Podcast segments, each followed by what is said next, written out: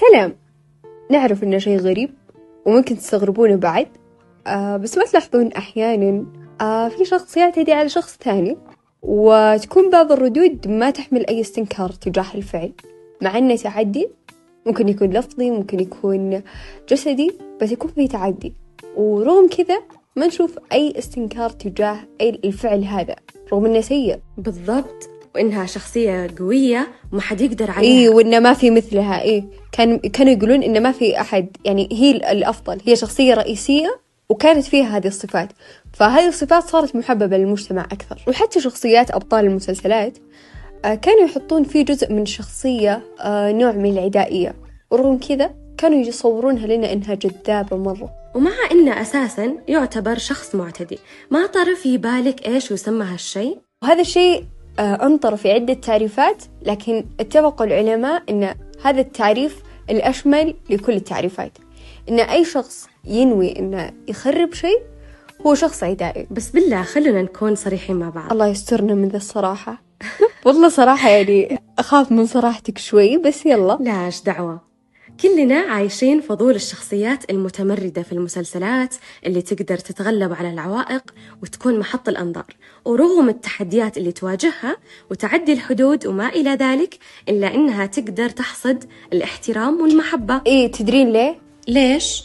لأن أساسا كانوا يصورون لنا أن الشخصية هذه شخصية جذابة يعني بالضبط. كانوا يحطون لها دوافع كأنها مختلفة عن الدوافع البقية. فهذا الشيء خلانا متقبلين وخلانا نشوفهم جذابين يعني عطانا دوافع لهم كأنه ما قاعد يشوفها المجتمع عرفتي؟ بس هذا مو يعني إنه هم صح. آه هذا السلوك طبعا هو تعزز من لحظات المدرسة المبكرة. يعني من زمان كنا نشوف إن الطفل المتنمر حوله شلة كبيرة يعني وكان في أطفال كثير حوله. كانوا يشوفون إنه هو الشخصية ال- ال- القوية يعني أقوى طالب في المدرسة يعتبرونه هذا أيه. هذا الطفل. وإنه أوه هذا صاحبي king المدرسة. أيوه ترى هذا قوي. أيوه هاي أيه. اي هذا هذا بطل. بالنهاية آه كانوا يعني أيضا يعني أفلام الكرتون ساعدت على هالشيء إن الشخصية البطلة دايم تكون آه عدائية. فهذا هذا أثر بسلوك الأطفال أو سلوك الأشخاص العدائيين اللي كبروهم عدائيين. وفي تجارب علمية ودراسات أكدوها العلماء.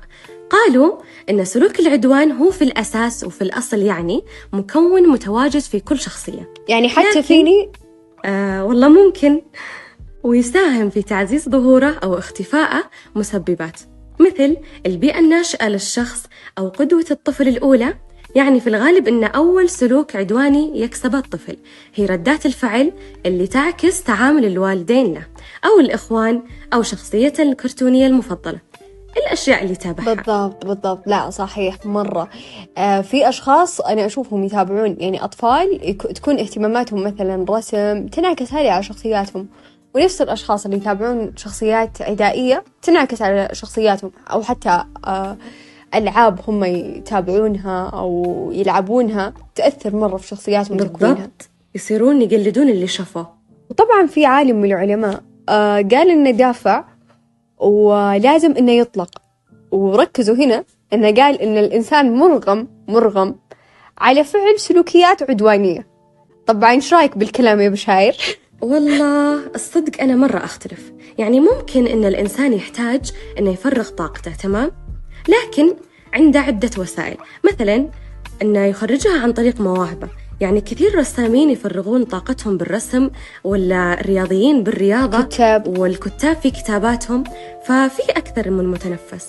وبعض الدراسات بررت اندفاع السلوك العدواني إذا كان الشخص يواجه الفقر أو الحرمان أو حتى بهدف التملك. بالضبط. أنا مو بهذا ولا هو سلوك مرغم على فعله الإنسان.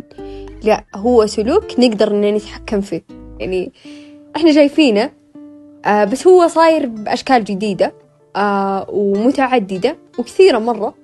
فما نقدر نلاحظه زي أول. يعني ما ودي نجيب أمثلة لكن هي فعلا صارت موجودة. أو حتى أحيانا آه بسبب أشياء بسيطة مثلا الحر. يطلع السلوك هذا ف- فإن أحد حران مثلا. بالإضافة إلى أن إحنا ما ننكر إن في عوامل مؤثرة. لكن الأهم إننا نهذب أنفسنا باستمرار. نعم السلوك العدواني ممكن تأثر فيه عوامل لكن أيضا إحنا نقدر نهذب أنفسنا باستمرار. وفي الختام مربط الفرس من حلقتنا الثانية أننا نحذركم من السلوك العدواني. يعني صحيح أن أحد العلماء قال أطلقوه وبرر لكم إلا أننا نقول لكم أن السلوك مكتسب.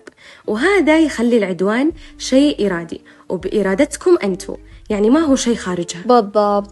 يعني ما ينفع أن أنت آه تواجه شيء أو ضغط نفسي تمارس سلوك عدواني وتقول لا والله أنا ما أقدر إني أسيطر. لا هو سلوك إرادي بالنهاية. ونقدر إننا نعالجه ونتحكم فيه. ودائما دائما تذكروا إن ما حد شماع الأحد